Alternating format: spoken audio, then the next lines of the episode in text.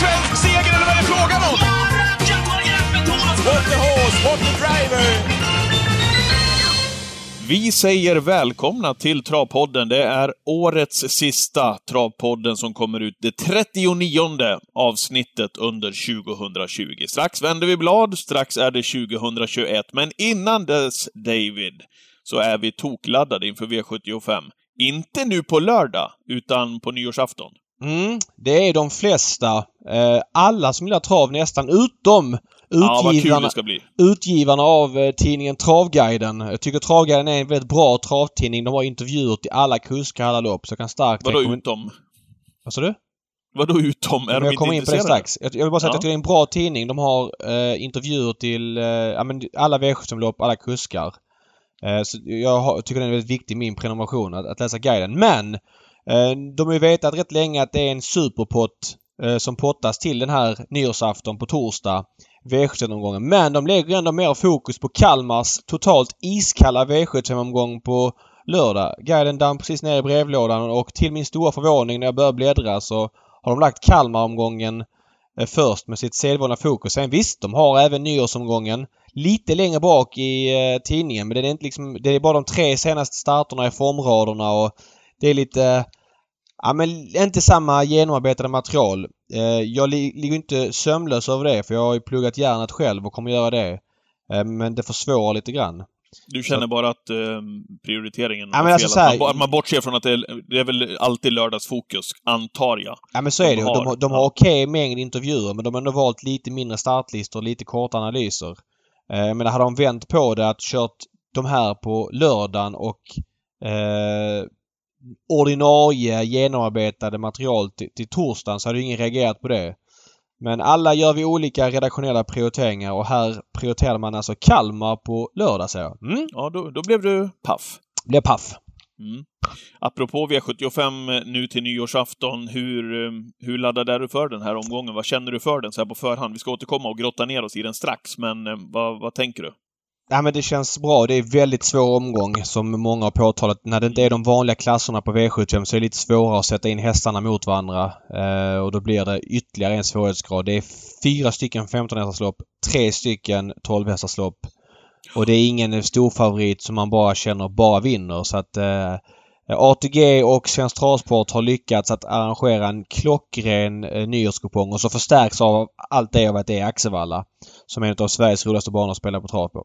Ja, med det långa upploppet och allt det där. Ja. Ehm, apropå stora favoriter att luta sig emot. Det fanns förra veckan, förra lördagen, när Verry Kronos ramlade undan i gulddivisionen och jag mässade dig kort efter mål. Jag orkar inte att den där fick ramla undan. Jag fick tillbaka, schysst, den där som jag spikade på alla mina kuponger.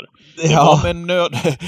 jag hade inte koll på att du hade gjort Nej, det. jag fattar men det, jag det, nöd jag och fattar det. näppe som eh, Verry Kronos höll undan mot... eh, Ja, jag hade ju betalat för Floris Baldwin så att jag grämde mig när jag gick i... Nej, jag var förbannad när de gick i Ja, mål det faktiskt. förstår jag. Det förstår jag. Nej, men han ehm, var ju inte lika bra som tidigare. Pratade med Erik senare på kvällen som sa att han var inne på att hästen inte var trött utan mer att han trodde det var klart. Eh, mycket konstigt agerande tyckte Erik. Alltså, eller inte konstigt men mer som att han hade inte någon puls som att han vore jättetrött. Så att, ehm, ja. Nu är det väl ändå vintervila trots allt efter att ha gått i vintervila tre gånger tidigare. Ja. Och vilken styrka bara att vinna det där loppet när han inte ens är i det slag som man kanske skulle... Eller som man har varit tidigare också. Det Ja, men så ju är det och Fantastiskt. man ska även hylla Flores Baldwin som gör ett bra lopp. De två lämnar ju övriga och vinner på 11 och 9 en kall decemberlördag. Eh, nej men det är liksom... Man måste Ja. få in det i sammanhanget. Det var inte bara Verge som var lite, lite sämre. Det var även Florence Baldwin som var väldigt bra, ska sägas. Och, och nu pratar man om prestationen som Verry Kronos gör. Man kanske också ska ta in i sammanhanget, i och med att vi hade Erik med som dubbelgäst under förra veckan, att han har skött sig nu, Verry Kronos, och att han verkligen har börjat förstå vad det här går ut på. Nu blev det ju inte... Han blev ju inte direkt utmanad av Disco Volante i och med att han hoppade tidigt, men det hade varit kul att se hur han agerade då in i första sväng, Verry Kronos. Men han har ju ändå stabiliserats eh, ordentligt. Ja men så är det. Vi kommer dock alltid få brottas med eh, snacket om att Verge Kronos är osäker. Det är, det är en del av det. Men ehm, ja, det, är- det är kul att se dem. Nu Mm. hoppas jag att han laddas mot de största loppen eh, nästa vår i Norden. Själv gick jag bet på eh, spel och lekkontoret där vi bygger våra andelssystem. Eh, och det gjorde jag för att jag trodde på Robert Berg i avslutningen. Dels med van Gogh ZS, som jag hade räknat ut skulle komma till ledningen och köras där, men även eh, i den eh, sista avdelningen, ska vi bara se här.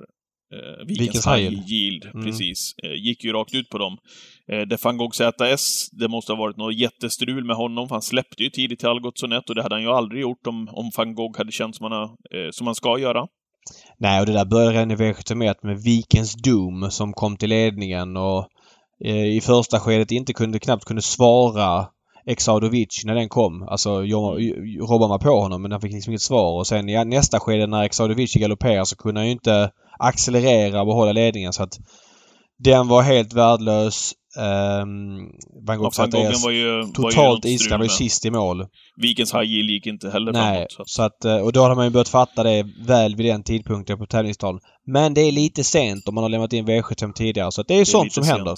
Det är lite sent. Algotssonet var bra för Daniel Wäjersten. Vi kan väl lyfta det ändå, som fick en finalseger. Daniel som vi också hade här som gäst i podden för inte så länge sedan. Mm. Eh, otrolig utveckling på Algot. Ja, verkligen. Eh, och när han kom till spelet kändes ju loppet helt över. Man känner sig så... lite snuvad på konfekten, men så är det med travtävlingar. Robban kände ju att någonting var fel med van Gogh, så att eh, det var väl helt rätt att släppa, för han var inte i närheten av att få pengar. Vet du vem jag tror kände sig snuvad också? Jörgen Westholm med Remarkable Feet. Han hade nog räknat in segern när han hade kopplat greppet på Knight Brodde i V75-avslutningen. Ja, Men då kom... dök han upp! Det var det bland ja. det sjukaste jag sett ju. Ja. Jag skulle ha en klocka på dem där för jag tror, jag tror inte Örjans går så fort. Det är nog de andra två som går väldigt långsamt. Det gick ju 11 och 2 tror jag på varvet för Ja, men det var så otroligt långt fram i alla fall. Ja, ja men så var det. Och han flög verkligen fram... Eh, han? Hickory the Pooh. Hicko the Pooh. Hicko the Pooh. Hicko the Pooh. Eh, nej, och sen så... Ja, det var väl det ungefär. Racing Brodda var väldigt bra i V71. Men det loppet förstärktes, eller hon fick ju hjälp av att de två värsta motbuden galopperade bort sig. Eller den ena galopperade bort sig och den andra var bara dålig. Eh, det är väl ungefär det man minns från de där finalerna. Mm. Det var en ja. tight situation i V72 där du skrev till mig diskar de nu kan de lägga ner travet. ja, men, ja, det var när Morotai Degato kom ut ja, mot... Eh, var det Robban Berg va? Med Gelatiamo. Ja.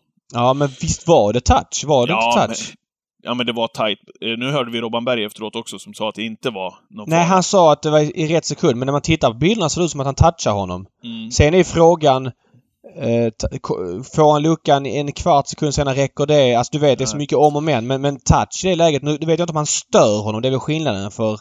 Det ja, det, och det var ju en riktig vattendelare, läste man också på sociala medier, där många tyckte att man borde diska ja. givetvis och, och, och tvärtom. Jag ville ju ha Morotai Degato. Och, man kanske är lite färgad så. Ja, jag skulle säga det. Jag ville ha honom och, mm. men, men jag känner så här. Om jag jämför med Gandalf Jamgate eh, på Romme den 14 november så jag är inte alls... Där kände man bara i hela kroppen oj vilken diskning liksom. Och, och visst, där vill jag ju bort Gandalf Jam. Ja. Äh, här vill jag ha Morotai Legato men jag kan känna att äh, det här var inte helt solklart. Alltså så jag måste verkligen nej, det, sätta in ditt fack. Ja, givetvis. Men det var, det var roligare att få en 5% än en 43%. Ja, jag tror att det finns viss, viss sån påverkan också i vad folk tycker. Så är det. Men det, det är därför jag poängterar att i Gandalf Jam-caset från november så finns ju inte den i efterhand utan det är bara en helt bizarr förklaring att man inte tjänar på att man kör innanför ja. Mm, bangränsen Ut, eller utanför bangränsen. Utanför pinnarna, precis.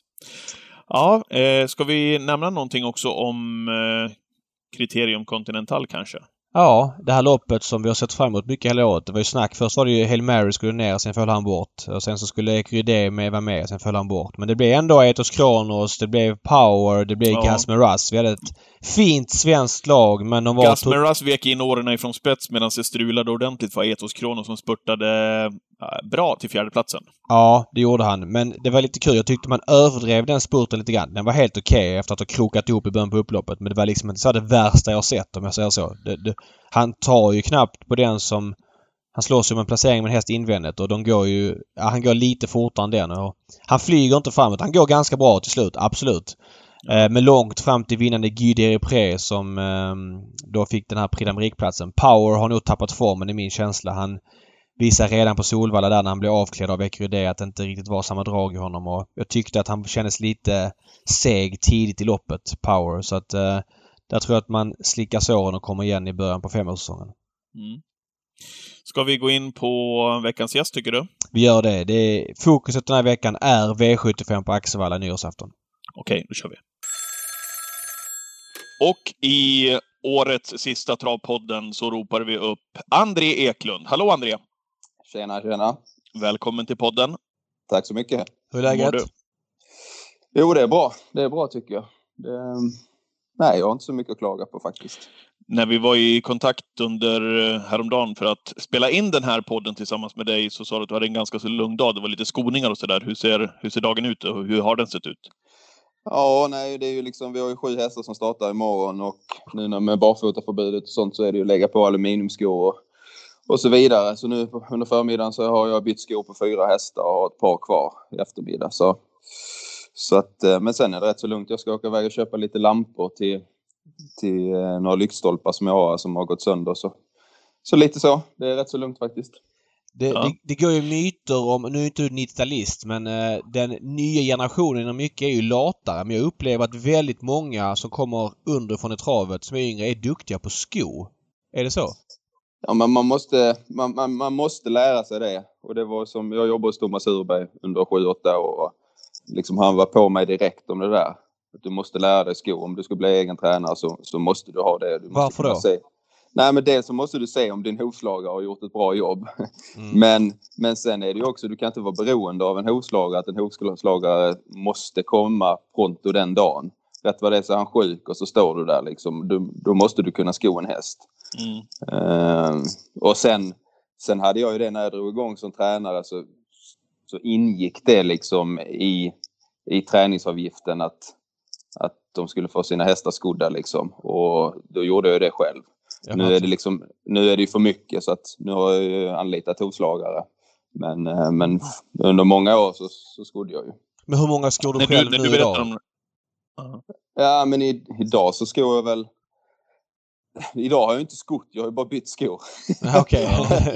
Men säg att idag skulle jag säga att jag, jag kanske skor fyra hästar i månaden kanske. Jaha, det är okej. väldigt lite. Det är väldigt lite. Ja. Fattar. När, när du står där med dina skor i händerna, ska du förklara för gemene man som lyssnar på den här travpodden, de här aluminiumskorna, i och med att det är ju sån otrolig eh, diskussion. Och det är väl kanske inte så konstigt om de ska gå barfota eller med skor. Hur skorna är nu jämfört med, ja nu har inte du varit med på 70-talet direkt, men den, hur man kunde sko hästarna då med, med de här tunga järnskorna. Det är inte så många som går med sådana.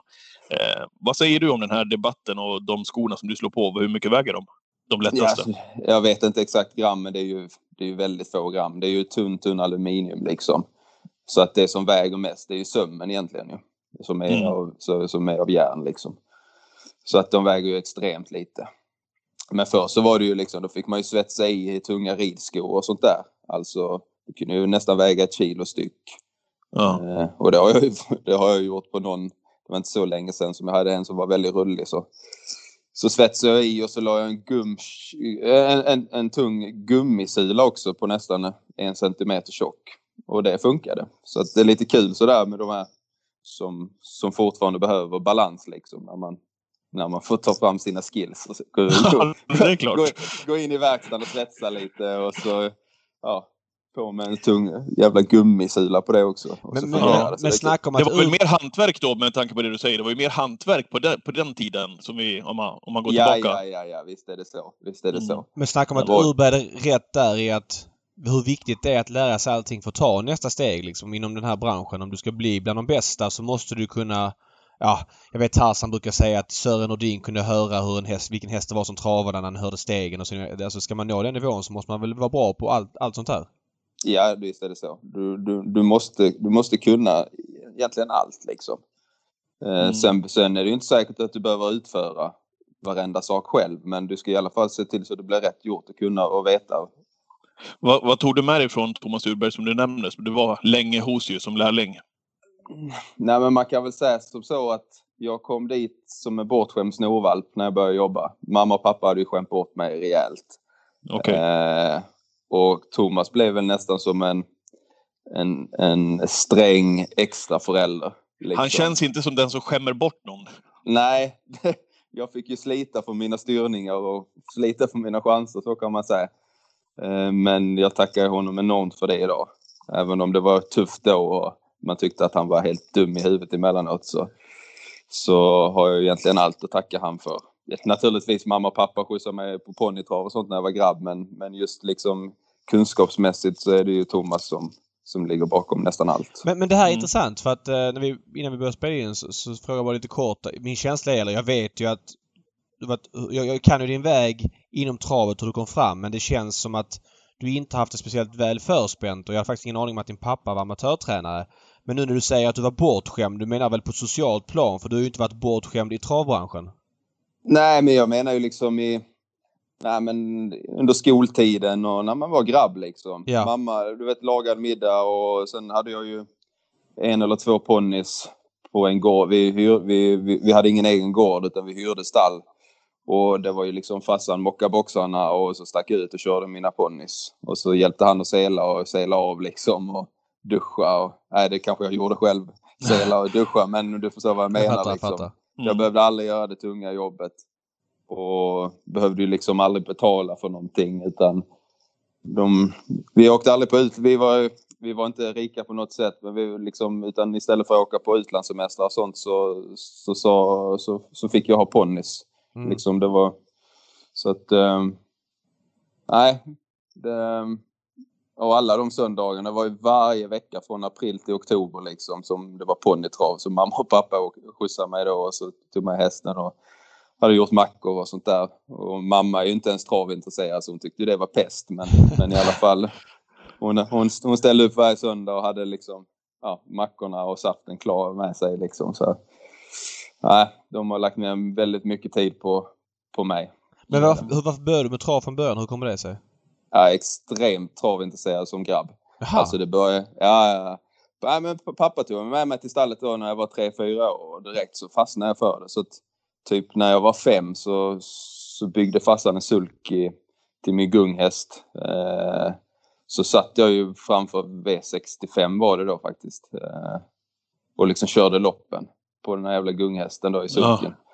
Eh, och sen tvingade jag farsan att ta med den till, till Halmstadtravet så tog vi ut den så fick han ju springa. springa med den här jävla gunghästen som hade hjul. Dra mig upploppet ner så satt jag ju bara smällde på den här jävla gunghästen i arslet. Eh, så att det var, nej men ett extremt travintresse direkt från början. Och sen när jag var åtta eller nio så fick jag licenskurs i ponnytrav i födelsedagspresent. Eh, och se- sen också en ponny då. Så att sen var man ju rökt. Det har ja. aldrig funnits Ja. något annat. Så att, eh, jag var ju nörd som grabb, så kan man säga.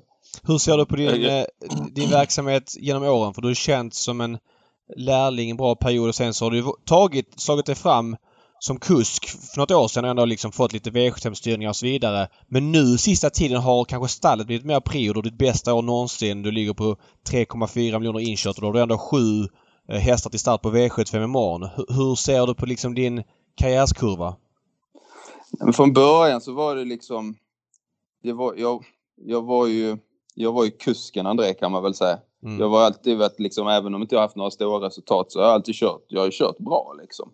Eh, sen har man inte fått de där chanserna riktigt som, som man kanske behöver för att det ska skjutsas upp liksom om man ska tillhöra någon topp. Men eh, jag tycker själv att jag alltid har kört vettigt. Och det är liksom Mm. det som jag har haft som var fokus för. Det var det som jag tyckte var riktigt kul. Men sen när man drog igång som tränare så, så ändrades det. Så att idag så är det ju inte så viktigt för mig att köra lopp utan det viktiga är ju att, eller det, det absolut roligaste som finns är ju den här känslan när man har när man har lyckats träna fram en häst så den blir bra eller vinna ett lopp med en, med en häst som förbättrar en häst egentligen. Ja. Eh, Så det är där allt fokus ligger idag. Sen att jag kör, ja mitt stall har ju växt och vi vinner ju rätt så mycket lopp och sen så kör jag ett Sofia Aronsson och hennes hästar går alltid bra också. Så det är därför jag har så många segrar nu kan man väl säga. För att jag, jag kör inte så mycket annat bra åt andra.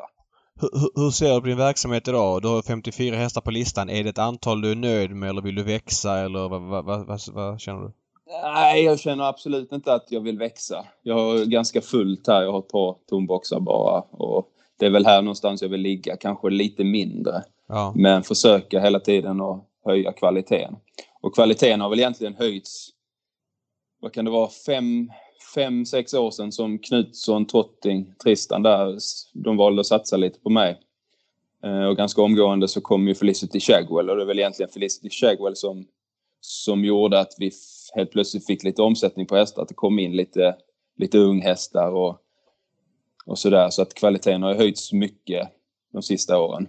Eh, framförallt underifrån då att man får in lite unghästar. För det, det, det var jag inte bortskämd med från början liksom. Jag fattar. Vad, vad var det? Felicity Shagwell gick väl iväg va? Det åker. Ja, Till Åke, Åke, ja. Åke. Precis. Ja. Ja. Hur, hur gick snacket där? nej men det var väl, eller menar du mellan mig och Tristan? Eller? Ja, precis. Och satsningen på Felicity, för hon låg ju er väldigt varmt om hjärtat vet jag. Ja, det är ju, det är ju min bästa, hittills, hit, äh, bästa häst hittills. Eh, ja, en favorit genom min karriär. Men ehm, Tristan hörde av sig redan tidigt under fyra säsongen och sa att detta, eller tog snacket med mig att jag har planerat så här att detta är hennes sista säsong i Sverige för sen så blir det tufft för stona här.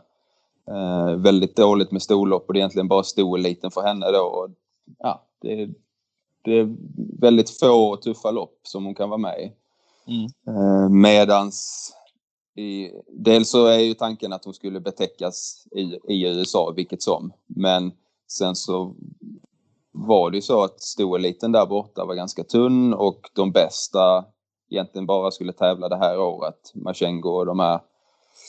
Eh, och sen gå till avel och då helt plötsligt så, så skulle hon, eller ja, om, tank, om, om allt gick flöt på så ska hon ju tillhöra toppen nästa säsong då. Eh, så att, och hon har ju haft fyra, jag tror hon har tjänat en miljon där borta nu och sprungit nio liksom. Så, Mm. så att det har ju fungerat jättebra. Okej. Hur Ja, kändes det att bli av, bli av med sin stjärna? Ja, det är såklart tråkigt. Men, men eh, liksom eh, allting var ju, det var, jag visste ju om det så länge så att det har ju känts bra hela tiden. Mm. Det var ju naturligtvis tråkigt att bli av med en sån häst men det är så kul att, att se hur, hur bra det fungerar där och veta att ja, vi har ju dag, Jessica har ju daglig kontakt med, med, med hennes skötare hos Åke och sådär så att ja, vi har ju stenkoll på henne och ser hur, hur bra hon mår och sådär. Och, och sen också se hur, hur hon ut, fortsätter utvecklas. Det, det är jättekul. Ja, spännande. Du, hur, hur är det? Du, köpte du en gård runt Göteborg eller hur är den statusen? Ja, eh, det är ju sju, sju mil från Göteborg va? Åt vilket håll? Ja, mot Axvalla. Okej. Så den ligger precis ute vid E20 där. Så att man ser den när man passerar. Eh, Så vi har väl en, ja, närmare 50 boxar här och så en rumbana och rakbana. Eh, Ja, Och vad har du för träningsmöjligheter eller hur är din träningsfilosofi? nej jag har bara en rumbana och en rakbana. Och det är ju det vi tränar på. Ja. Eh, sen är det ju väldigt mycket stora, fina gräshagar och sånt där så hästarna mår jättebra här. Eh, och jag tycker jag kan träna så som jag vill träna. Jag kör ju mycket tryckvagn med dem. Eh, och nej, lägger mycket tid på de här två banorna som jag har. Jag. Mycket pengar och mycket tid så de är ju alltid i toppskick liksom. Så vi har, ju- vi har, vi har bra tränare. Men Eh, då har du närmare till, banan. närmare till Axevalla än till Åby? Det är ju ungefär eh, Okej, lika samma. långt. Ja. Det är lite närmare till Axvalla kanske. Jag fattar. Mm. Du, hur ser du på framtiden då? Du sa ju att du vill kanske ha bättre kvalitet så ditt kuskande. För jag, som du säger, du kör bra men det är så svårt när man inte får de där chanserna. Hur tänker du där? Känner du att det är viktigare att, att lyckas som tränare än att lyckas som kusk från och med nu och framåt? Eh, definitivt att träna. Jag har liksom, jag tycker det, det sliter så jäkla mycket på mig. Åka iväg och vara iväg fyra, fem dagar i veckan som det krävs. Som du. Men så här har jag alltid sagt. För att jag har ju själv känt, jag har aldrig, eller de sista, sista åren så har jag liksom inte känt att jag har något behov eller att jag vill åka runt och kuska runt. Men om jag ska köra mina egna i lopp så måste jag hålla en viss kvalitet. Och kvalitet håller man genom att köra x antal lopp varje år Mm. för att hålla, behålla timing och eh, liksom göra ett bra jobb. Så att den nivån jag ligger på nu det är väl så jag kommer fortsätta skulle jag tro. Eh, Men jag vill absolut inte flänga runt och, och köra mer om du förstår vad jag, Jag menar. fattar liksom. exakt. För Ja. du, du ligger ju på ett ganska konstant eh, antal. 2016 körde du, körde du 630 lopp. I år kommer du landa runt kanske ja, 550 innan det är klart eller 545 och du har legat däremellan alla de här åren och det är ett antal du vill hålla i så. Ja, det vill jag. Men, men om man ser tillbaka då för typ tre år sedan så hade jag kanske 25-30 hästar i träning. Mm. Så då körde, åkte jag runt och körde mycket mer åt andra. Och jag skulle tro att det var fördelat på betydligt fler tävlingsdagar. Nu när jag väl är på en bana så tycker jag jag kör mer varje, varje dag liksom. Eller varje gång, varje tillfälle. Eh, Så att jag tror att jag har dragit ner på antalet tävlingsdagar och det är viktigt för mig. Jag fattar. Typ lunchtrav. Du, Vi, har vi, ehm, vi, har ju snackat mycket lunchtrav. Jocke Löfgren var gäst för några veckor sedan. Han Mm. gillar ju inte lunchtravet och det är många... Jag, jag har egentligen aldrig hört någon aktiv som säger att de gillar lunchtravet. Det enda de gillar det är att de får väl lite starttillfällen. Vad känner du för lunchtravet och att åka iväg och sådär? Att det pajar dagen? Ja, det pajar ju träningsdagen fullständigt. Det blir ju jättemycket extra jobb de andra dagarna. Eh, och ja, du tappar ju egentligen en hel arbetsdag. Eh, men och hur du ska planera, ja, det är svårt att få gå ihop alltså. Så det, det är inget bra, det är det inte. Kan man inte anpassa det? Jag tänker då säga att du skickar iväg två till Åby och sätter upp någon som kör eller hur? Alltså vad är lösningen på det? Det? Eller vill du steka det helt? För det är ändå rätt mycket starttillfällen som skulle försvinna och det omsätter ganska bra på lunchen. Mm, Jo, men du tappar ändå en man som är borta då. Eh, Minst liksom om du, om du bara har två som startar. Men har du tre så får du skicka en skötare till liksom. Och sen, jag, jag vill ju gärna köra mina egna i lopp. Så visst kan jag sätta upp någon annan, men jag, jag kör ju dem helst i lopp liksom själv. Och då är vi två man kort och då är inte jag på plats. Eh, Så att... Det, det, Jag hör vad du säger. Det, ja, det, det, för mig är det inget bra. Så Nej. är det. Nej. Sen naturligtvis för en A-tränare som inte kör sina, sina hästar själv. Det kanske inte är så stor sak för dem då att skicka iväg en skötare om du har lite större stall. Men, men för dem med lite mindre rörelse så är det svårt alltså. Jag fattar. Ja. Vi ska strax gå in på de här hästarna som du pratade om som startar på V75 nu. Den här eh, spännande V75-gången rent spelmässigt ju. Men jag tänkte också, vi vänder ju blad här strax till 2021. Du har 12 stycken tvååringar såg jag i stallet och ett ganska så ungt stall, André. Är det någon av de här tvååringarna som alldeles strax blir tre som du tror väldigt mycket på? De är ostartade hela gänget. Oj. jag har inte hunnit tänka så långt. Ja, Okej, det är ingen sådär som du känner att ah, den här, nu, jag, jag vill köra den där tvååringen. Det hör man ju ofta liksom. Eller den där tvååringen, den, den sticker ut nu och den har kommit lite längre i utvecklingen. Och, Nej, jag tycker inte mig ha någon sån riktig eh, stjärna liksom. Utan Nej. Det som jag tycker det är liksom att de är ganska för det, där, det brukar ni känna vid den här tiden annars på året, menar jag. Ja, inte jag. Nej, För jag, jag, för jag har fortfarande inte kört något tempojobb med någon av dem. Ja, okej. Eh, Jag hade en, en tidig häst som, som startade som två, eller ja, startade i höstas men den bytte tränare sen så det var ju liksom en av dem som, som faktiskt har gått ett banjobb eller sådär men de andra har jag fortfarande inte kört ett enda rundbanejobb och jag tycker det är först då som man liksom känner när det kommer ner i fart hur det driver och, och sådär så att jag är inte riktigt, jag har inte den, den jag kan inte säga någon individ just nu faktiskt, det kan jag inte. Hur, hur ser okej. filosofin ut där? Eh, Hur ser du på tvåårstävlandet? Nej, jag har ingenting emot tvåårstävlande, men jag tycker jag känner det rätt så tidigt eh, under tvåårssäsongen om, om, det, om det är någonting att satsa med som tvåårshäst. Felicity Eh. Chegwell var ju till exempel tvåa i Svampen, väl? Ja, det var hon. Mm. Det var hon. Mm.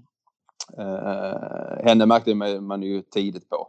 Hon hade ju sån extrem teknik och bara ja, lekte i jobben så vi fick ju träna henne liksom lite mer eller vad man säger och hon tålde det. Ja. Sen, sen i, jag tror det var i juni eller någonting så åkte vi in till Åby och körde ett barnjobb där och då, lunkade hon 18 1600. skulle köra, vi, vi skulle köra 25 men det blev 18. Oj! okej. Och det, det, de tvååringarna har du inte just nu, nej? Nej, så det, det har jag inte. Det har jag inte. Nej. Ja men Nej, bra. Ska fattar. vi, ska vi blicka framåt då till den hyperintressanta omgången på Axevalla? Vi ska säga det att du, vad är det du har? Sju hästar till start och det är rekord för dig på en V75-dag. Eh, ja, rekord överhuvudtaget. Jag tror aldrig jag haft det en tävlingsdag överhuvudtaget. Eh, så att det är kul. Ja vad kul. Det är ju ett tecken på att ditt stall går åt rätt håll liksom en sån här dag. Viss, visserligen kanske inte den största dagen sportsligt men det är ändå en V75-dag. Eh, ja, nästan hemmabana och har till start. Det är imponerande. Det är tecken på ett bra jobb ju. Ja, nej men så är det. Och det var, fick till och med sätta mig här och skriva ett värmningsschema och utrustning och Ja, sånt. i fan, alla det är kul. Annars har man ju liksom bara haft två, tre som har startat och har, då är det inga problem. Då går man bara säger, säger liksom vad de ska ha för utrustning och sånt. Men nu fick jag sätta mig med ett kollegieblock och skriva. Och så Ja, det var ju... Ja, ja, jag, jag fattar. Det var ju en av höjdpunkterna, kommer jag ihåg, när jag började på kanal 75 för 20 år sedan. Eh, att gå in i Stig och Johanssons stall en onsdag när man alltid var nere och skulle prata med Reo Liljendahl skulle man gå igenom hästarna som startade så såg man värmningsschemat på den här um, whiteboard-tavlan som de hade satt upp när det stod 14.53. eh, Clipton. Eh, Ja. 14.59, ja det, liksom, det, var, det var på minuten eh, som de där hästarna skulle ut och värma och så var det väl en ja, 15 hästar varenda gång så att det var fascinerande. Kanske Ja, är det exakt. snart. Ja. Det var lite som när man skulle ringa Stig också under den tiden. Eh, man jobbar med trav-tv.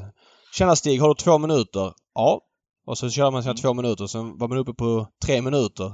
Då, inte då hörde man hur det knakade i fogarna så här. Och man, alltså, det finns ingen människa jag var så nervös som att ringa som att ringa Stig på den tiden. Ja, helt sjukt. Sen, sen när han började med trav-tv, då blev han en helt annan person tycker jag. Men han var väldigt nitisk med tider där under en period alltså. Ja, ja, ja. Ja. Ja, jag minns när jag fick, när jag fick det här Stigå-stipendiet av honom. Så, då, då, eh, ja, så ringde det i, telefon, i min telefon en söndag eller vad fan det var. Och ja, det är Stig och Johansson sa han. Ja, ja, jag, eh, jag blev helt dyngsvett. Jag tror vi pratade kanske tre minuter. Och min t-shirt var helt dyngsvett efter. Ja. Jag blev så nervös och liksom spänd. Och, ja, det var, Ja, det var ja, jag håller med dig. Är en mäktig man liksom. Ja, det är det. Det är det. Eh, fick ju äran där, både du och jag David, och jobba med honom i flera år där också. Eh, otroligt eh, häftig och otrolig pondus. När man kom in i hans stall, Ja, när man skulle gå in. Det var den enda... och Du gick in till Jim Frick, liksom, man, du vet skön han tar emot. Ja men tjena grabben! Och så gick man igenom eh, hästarna. När man gick in till Stig knackade man lite försiktigt. Han satt där bakom sitt skrivbord. Man tordes knappt gå in i det där rummet. Nej, nej, nej, precis. Eh, ja, så var det. Ja. Eh, Mm. ja men vi kör igång då. Eh, mycket intressanta hästar också. Det är inte bara att det är ett stort antal utan de är lite huvudrollsinnehavare. V751, eh, nummer ett. Hazy Shade of Winter som för alla som inte kommer ihåg var den hästen som gick i ledningen på Romme eh, samma dag som Gandalf Jan bröt ut i V72. Gick hon i ledningen Rickard N Skoglund och höll ganska bra som, som fyra i mål. Han tog sig till spets från ett åttonde spår. Hur ser du på hennes chanser? Jag, jag, jag tycker att hon har höjt sig. Där så kom hon lite på vänstertummen för Rickard i ledningen där han kunde inte riktigt köra för fullt på henne. Och efter det så över vi en urryckare på henne så startade hon där på Solvalla men fick aldrig liksom riktigt fritt så att hon gick i mål med lite krafter kvar och vi har fortfarande inte ryckt de här tussarna. Uh, så att eventuellt blir det ju första ryckare nu då. Uh, men så har hon ju varit lite sjuk här emellan.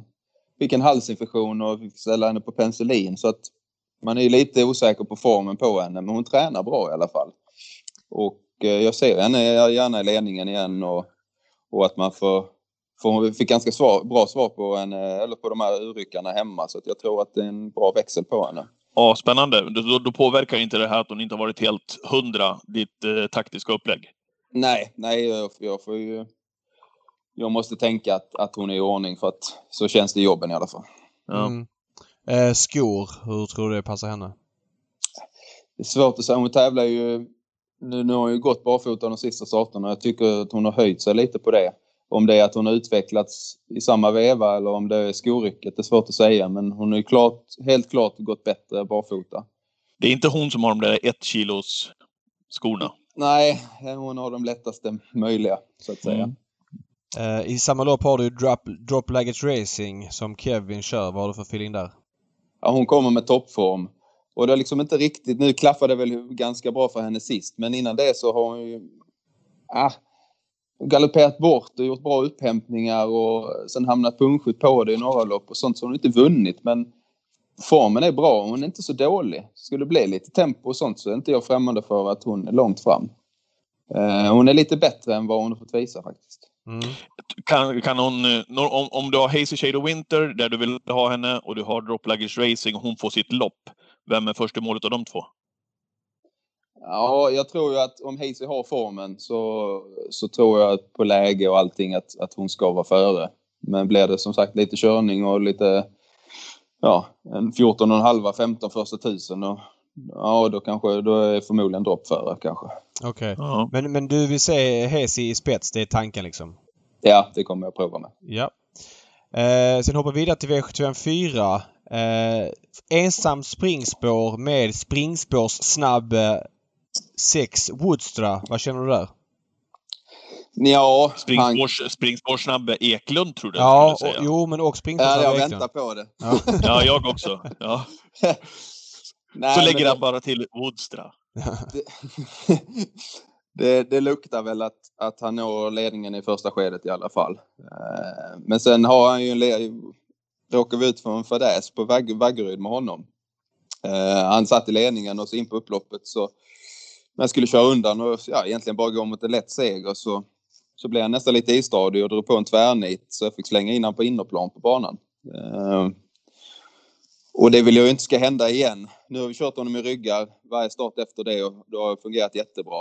Eh, men jag är ändå lite orolig för hur han ska bete sig i ledningen när man kommer in på upploppet och ska säga till honom att springa undan. Okej, det, här för, det här förklarar ett annat. För jag kommer ihåg när Stefan Persson körde dem på Färjestad. Jag har sett loppet i efterhand. Uh, han var rätt klar favorit men släppte spets. Och du har också släppt lite grann, ganska enkelt efter det liksom. Men det förklarar liksom saken att ni vill ha ryggar om honom.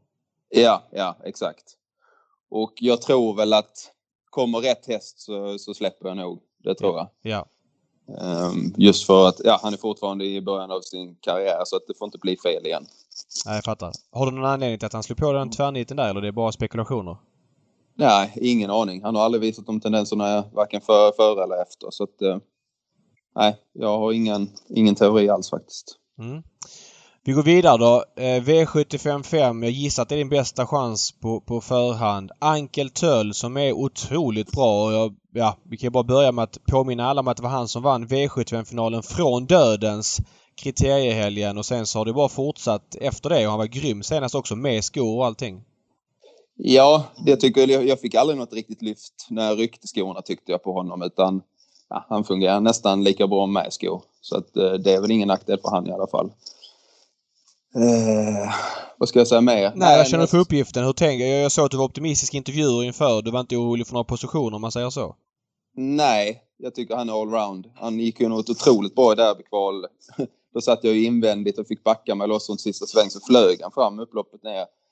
Så att liksom gå bakifrån eller så, det, det är nog inget som bekymrar. Och, och eh, sen har han ju visat att han tål att gå sista sju också som han gjorde. Ja, han fick ju dödens i den här V75-finalen och sånt. Så han tål ju att göra själv, jobb själv.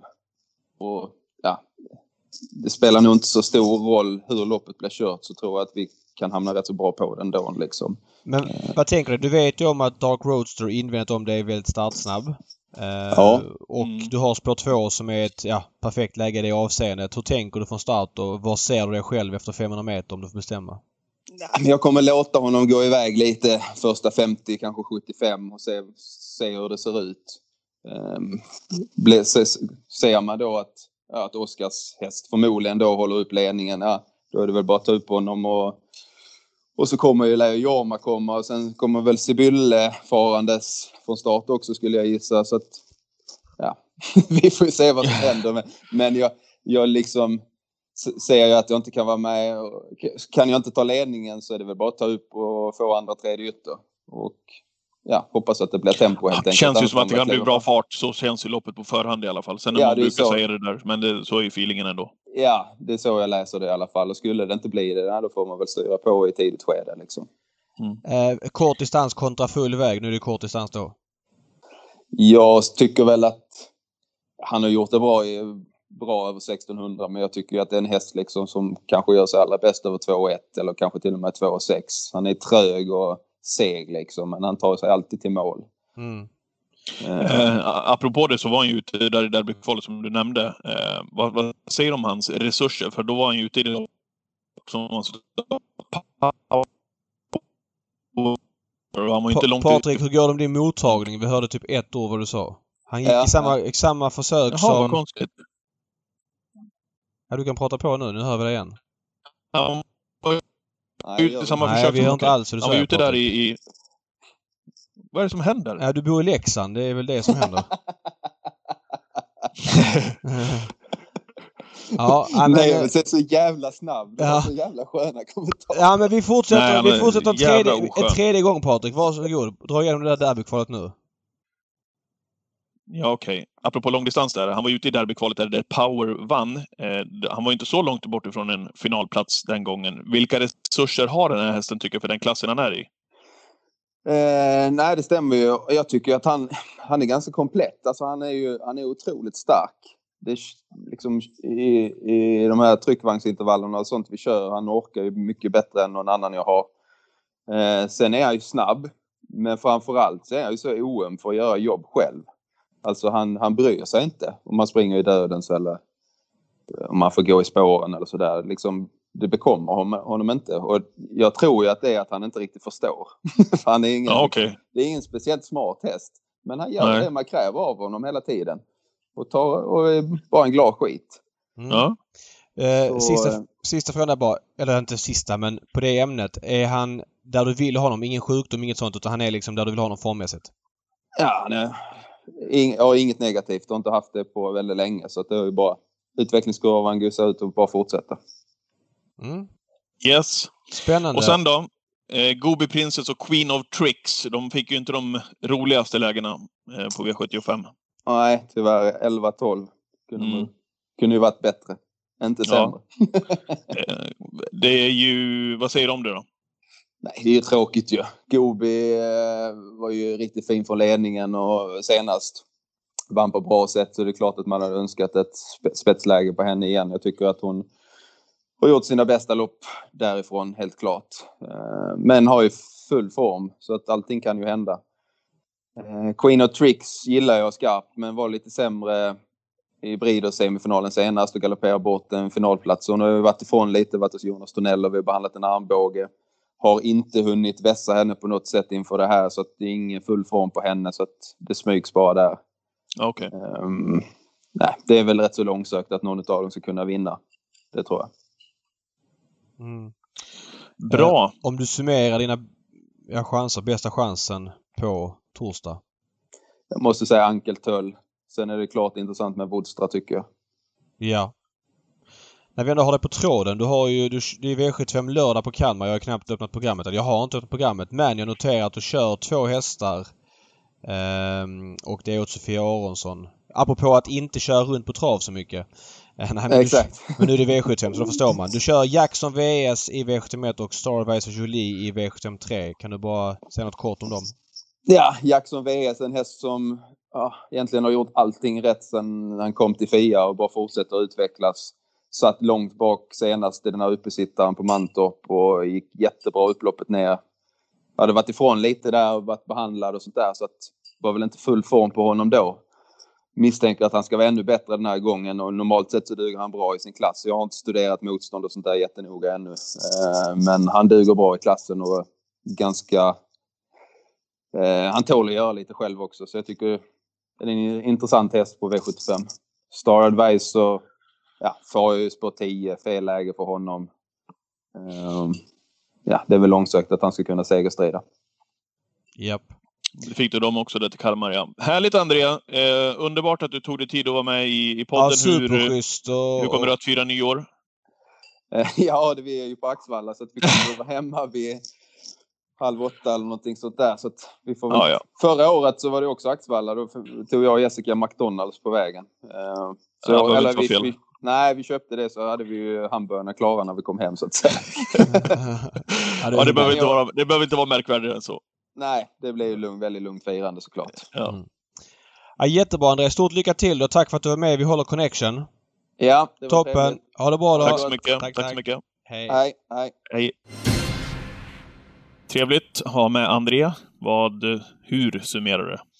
Ja, men jag tycker man känner väldigt mycket för André. Ehm, har inte haft det, eh, då menar jag eh, inte som socialt i livet utan inte haft så lätt i travet. Alltså han har gått kanske den långa vägen, eh, varit lärling väldigt länge och, och därifrån att starta en rörelse det är ett väldigt stort steg. Du vet du ska ha kunder, du ska ha en gård, du ska ha personal. Alltså det är liksom inte...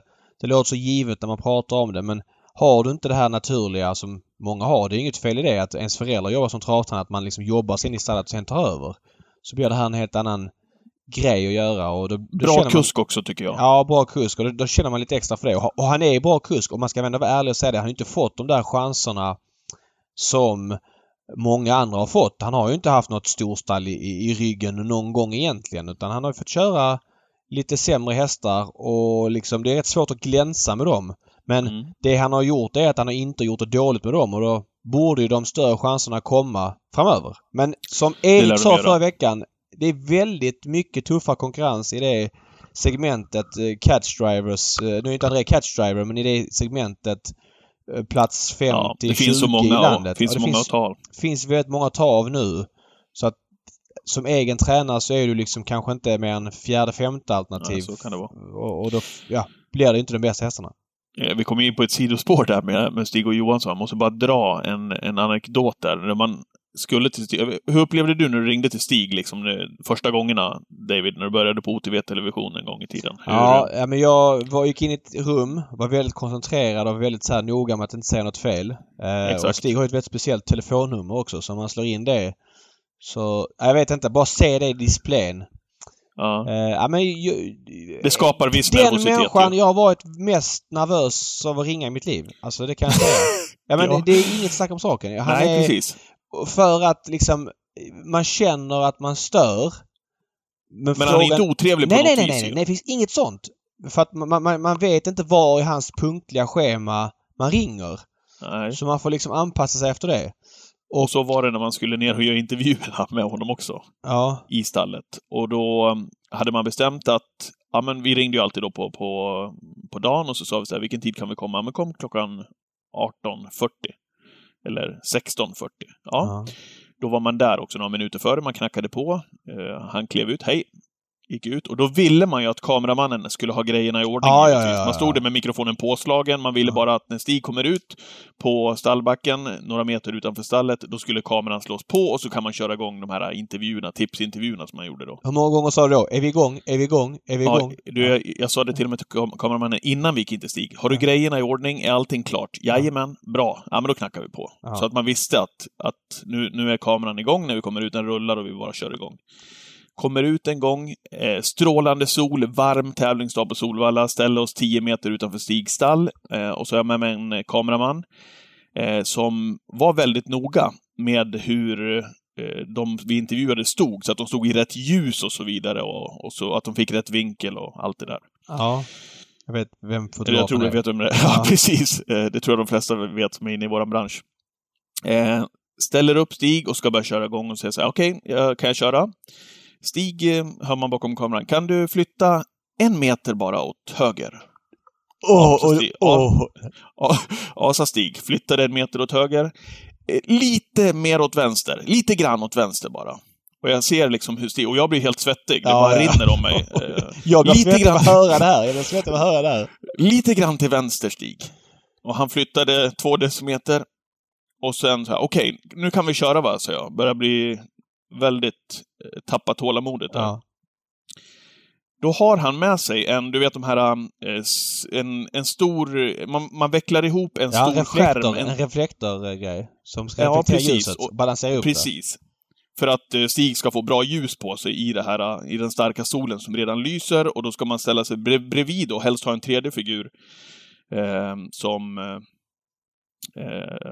ska hålla, upp, Ja, ja. hålla upp den här Ja. skärmen. Ja, ja. Precis. Eh, och eh, står där och ska intervjua Stig och eh, Reijo Liljendahl kommer förbi. Första mannen kommer förbi och intervjuposition där. Och eh, då säger eh, eh, kameramannen, vecklar upp sin stora skärm här till Reijo som går förbi och säger Du, du förresten, han vet inte om att det är Reijo. Kan du, kan du stå och hålla i den här skärmen? Ja, jag orkar Kan du fälla upp den här skärmen och stå och hålla i den här så att Stig får rätt, ljus, rätt ljus på sig? Nej, jag skulle inte tro det, sa, sa Reijo och gick vidare rakt in i stallet. Och jag ser liksom Stig, han börjar ju trampa. Något Åh. oerhört alltså. Herregud. Eh, alltså. kör, kör vidare eh, och så säger jag så här, okej, men nu måste vi köra intervjun. Stig börjar kolla på klockan Ja. och då säger kameramannen till Stig, Stig, eh, medan du står och blir intervjuad, kan du hålla i skärmen i den här vinkeln? Säger han och ger, ger skärmen till Stig. Det- Den är ganska stor. Den är ja, liksom jag vet exakt vad det är. en, en, en, ja, en meter bred liksom. Ja. Nej tack. Nej tack, säger Stig. Och alltså, det, var, det var värsta stund jag varit med om i mitt liv. Och efter det där så sa jag, "Ja, men nu, nu kör vi. Nu spelar det ingen roll vad det är för ljus. Liksom. Nu, nu kör Ja. vi.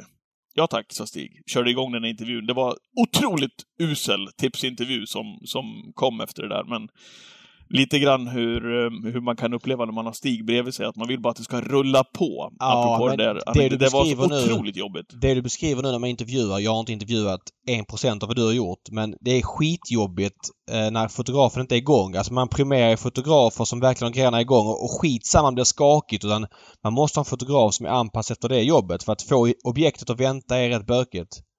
Mm. Eh, Men jag måste En bara berätta, när jag ringde Ja. Stig då på den tiden.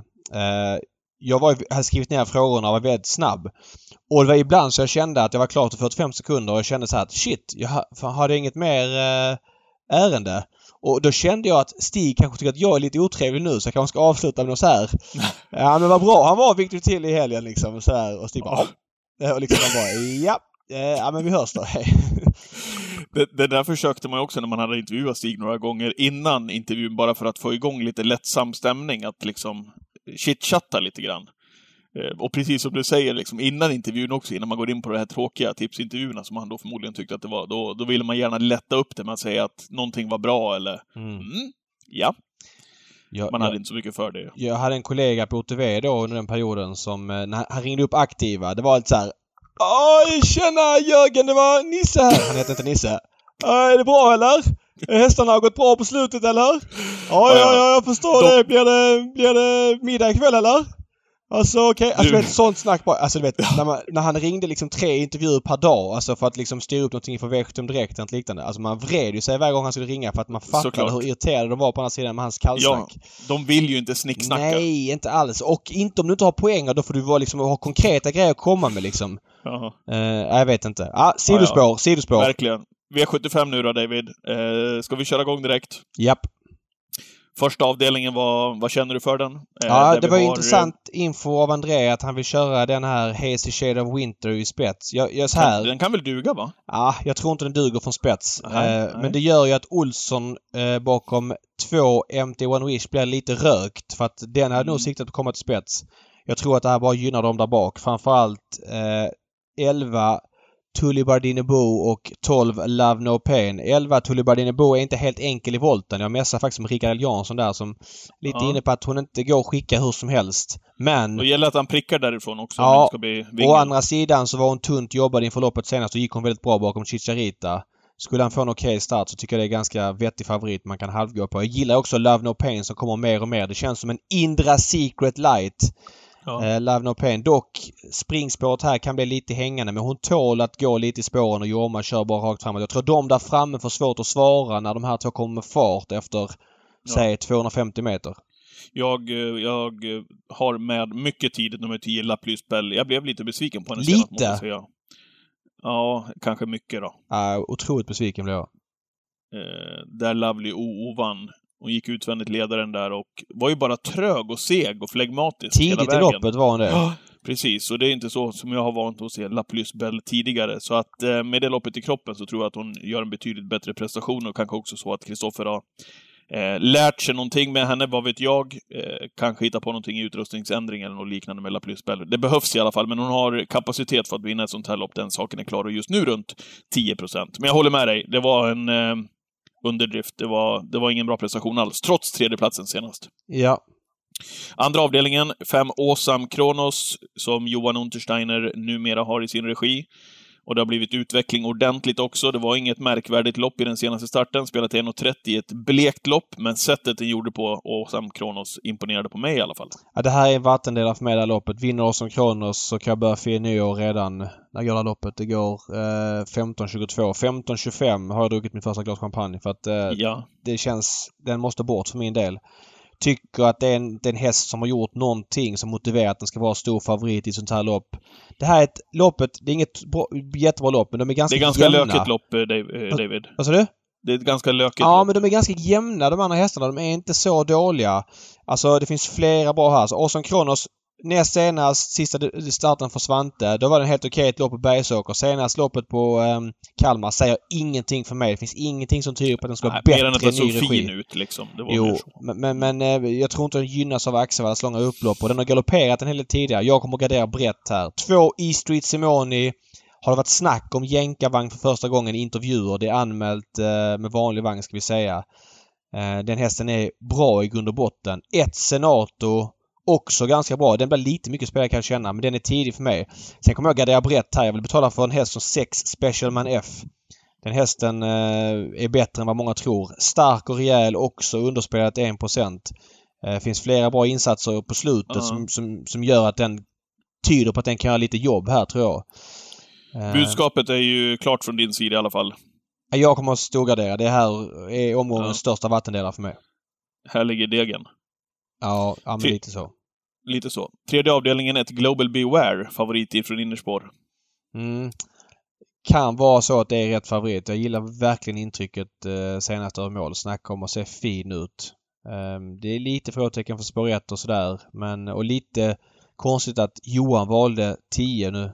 Visste han inte om spåren han valde men eh, Nej, det gjorde han inte. Global Wear kan vara så att man kan gå, kanske gå halvkort det här loppet. Jag har ingen riktigt tydlig idé just nu. Eh, underskatta inte 12 Celuit som Jorma Konto kör som Jari Åkerfeldt tränar, har fött upp och äger. Den hästen Ja. ser riktigt bra ut och med Jorma kan det nog bli lite extra snurr på den. Mm. Jag eh, lyfter 6 Pacific Kingdom. Ta med den David. 8 procent. Merete brukar köra Rickard Skoglund upp den här gången. Inte alls så tokig kusk. Eh, dessutom så um, är den här distansen inte något minus tror jag för Pacific Kingdom. Så att eh, ta med den om du garderar. Mm. Fjärde avdelningen, favorit nummer 12, Flirting Diamond med Thomas Urberg som vi pratade nyss om. Och det är väl ett smaskigt utgångsläge kan man väl då tycka för Urberg som är skicklig från springspår. Men samma sak här, det gäller att pricka och komma ner. Ja, skillnaden här är att här är det springband. Det var det ju inte i, Mm. allt i V71. Där är det ju springspår på tillägg. Här är det så att det finns en springspårshäst i nummer 6, Woodstride, vilket gör att de hamnar ytterligare 20 meter längre bak. Alltså i anloppet. Och många får fart och det kan bli lite spår för Flirting Diamond. Eh, när man hör att André vill ha rätt rygg så tror jag att får han välja rygg så väljer han nog Flirting Diamond. Men det är tveksamt om den är först fram och övertar. Utan det finns nog i, i leken att det finns några andra som kan vara ja, framme före. Eh, Ja. ja, jag vet inte. Om André kanske släpper till en sån som Kosic Boko på start. Det lät nästan så. Mm. Eh, Ja, det jag- gjorde det. jag har ingen lust att, gå på någon av de spelarna här utan jag vill ha skräll. Eh, eller skräll, halvskräll i varje fall.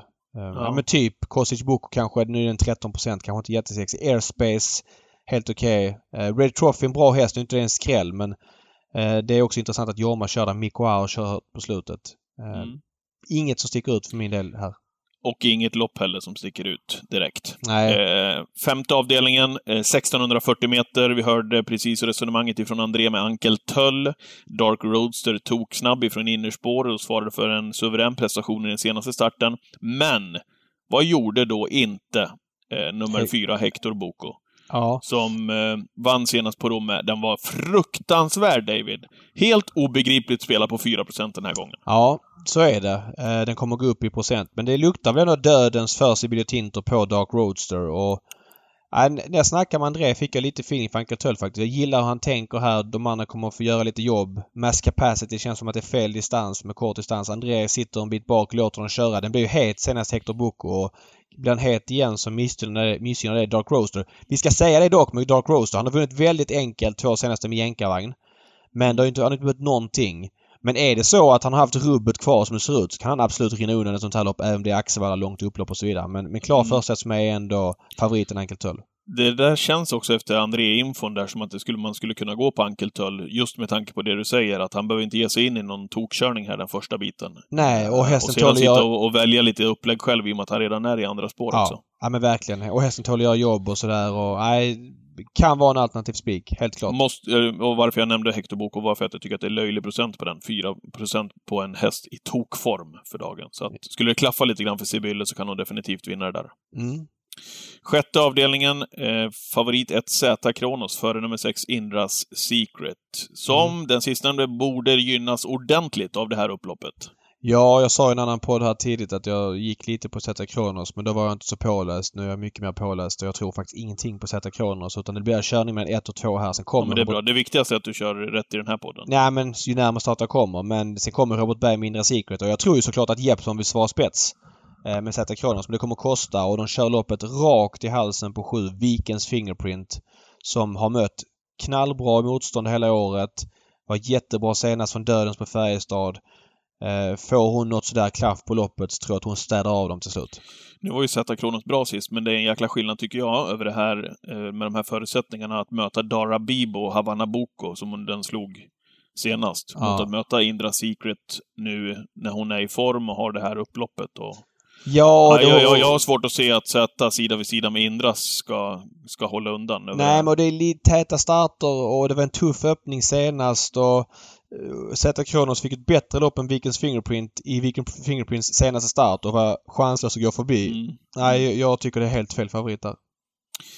Täta starter, men en som trivs med Winterburst när vi kommer till den sjunde avdelningen. Det är min vinnare, David. Vi kan väl börja med vilken som är din. Eh, Ja, jag tycker det är V75 två, två som sticker ut här. Det är 11 Grainfield Eden som eh, är bra varannan gång. Nu skyllde han och Korpi senast på att han har haft usla träningsförhållanden inför loppet på Solvalla. Vilket jag Ja, tycker men då, då måste jag säga så här också. Att, att, och, och så kan det ju vara. Så, så är det nog. Men man behöver inte skylla på någonting efter den, med det loppet Grainfield Nej, fick. nej, men... Det är ju liksom bara att, att vika in åren och säga det blev tokfel den här gången, hängandes i tredje upp i dödens. Bra hästar som gled undan. Vad ska han göra, Grainfield Aiden, än Nej. vad han gjorde? Så känner Nej, jag. men så, så är det. Men han startade den 12 december. Det här loppet Mm. var den 26 december. Jag menar, Och, hur och nu är det mycket... 31. Hur mycket hinner han behöva träna däremellan för att jag kanske kör stenhårda jobb hela tiden medan andra tränare säger att de joggar bara lugnt mellan starterna. Ja, hur som helst så känns Nu är det bara fem dagar mellan loppen dessutom. Ja, nej men exakt. Ja, men det känns eh, konstig förklaring. Men han är bra varannan gång. Han har varit lite så. Ibland har han varit liksom livlös för att vara jättebra nästa gång. Det verkar inte finnas någon röd tråd i hans form. Jag törs inte säga det, men vann han inte två eh, lopp under eh, Winterburst förra året? Jo, han vann uppesittarkvällen och den här dagen vann han. Ja. Eh, Och jag tror att han vinner igen. Han möter mycket enklare hästar. Han eh, tål de här täta starterna. Så har det varit tidigare, så tror jag att det gör nu också. Och prestationen näst senast, David, som tvåa bakom eh, Selmer IH var ju suverän. Så att, nej, jag tror att han vinner här. Jag vill lyfta fram en häst. Det är nummer 6, Phoenix Foto. Eh, Svante Eriksson, jag ringde faktiskt honom för jag skrev i Expressen i veckan och var tvungen att Mm. kolla status på hästen. Jag minns så bra han var på Valla i somras när han fick Mm, 15 mm. tryckare i ett lopp över 2,6 och bara gick undan förjan. Svante är väldigt nöjd med träning. Han känns bättre nu än vad han gjorde i våras. Travar bättre, springer rakare med huvudet, ordentligt jobbad. Självklart kan man aldrig veta när det saknas lopp i kroppen. Men Svante var optimist och hästen bytte från sig riktigt bra i spets. Det gäller för Jorma att träffa från springspår och köra en bit. Hästen är ju snabb från springspår. Tror att han tål ett offensivt upplägg och nej, Svante lät positivt. Sen är det klart, det är tufft att stå emot dem där bak över 2,6 men Phoenix Foto kommer jag betala för också. Ja, det gör det, ja. Mm. Härligt! Där har vi summeringen. Och vad gäller då Twitch, David, på eh, tillkommande nu då? Vad säger du då? Ja, vi kör alltså, vi brukar köra 13.00 på Twitch på lördagar men nu inför nyårsafton kör vi 12.00 på eh, Gambling Cabin, alltså söker man på på twitch.com. Eh, en timme tidigare för att det är en timme tidigare spelstopp. Det är 15.00 på torsdag istället för 16.20 vilket gör att vi måste flytta fram hela, eller flytta bak hela schemat så att vi är i bra fas tills loppen drar igång. Och andelar finns att köpa. På spel och lekkontoret om man vill spela V75 med oss. Vill man inte göra det så eh, kan man ändå kolla på Twitch. Vill man inte göra det så gör man något annat. Just det, 12.00 Twitch alltså. På torsdag. Eh, Bara det. på torsdag. Sen går vi tillbaka till ordinarie tid framöver. Ja, så är det. Du, vet du, det är nyår och vi ska jobba in ett eh, bättre 2021 än vad 2020 har varit på många sätt och vis. Ska vi skita i hiss och diss bara? Ja, vi gör det. För jag måste plugga V75 nu. Ja, då gör vi det. Och så önskar vi alla lyssnare som har varit med under de här 39 avsnitten, eller som kanske har dykt in lite senare och hoppas att ni är med under 2021, ett, sto- ett eh, riktigt härligt gott nytt år. Ha en härlig nyårsafton alla där ute, och så hoppas att ni sätter 7 rätt på V75 ifrån Axevalla. Mm, jag håller verkligen med. Gott slut och så hörs vi 2021. Förhoppningsvis på en travbana nära dig. Eller i den här Verkligen. podden. Gott nytt år! Gott nytt. Hej!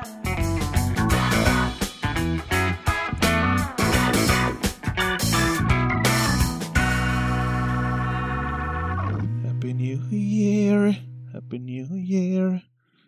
La la la, la la la la la la la la la. Där satt den.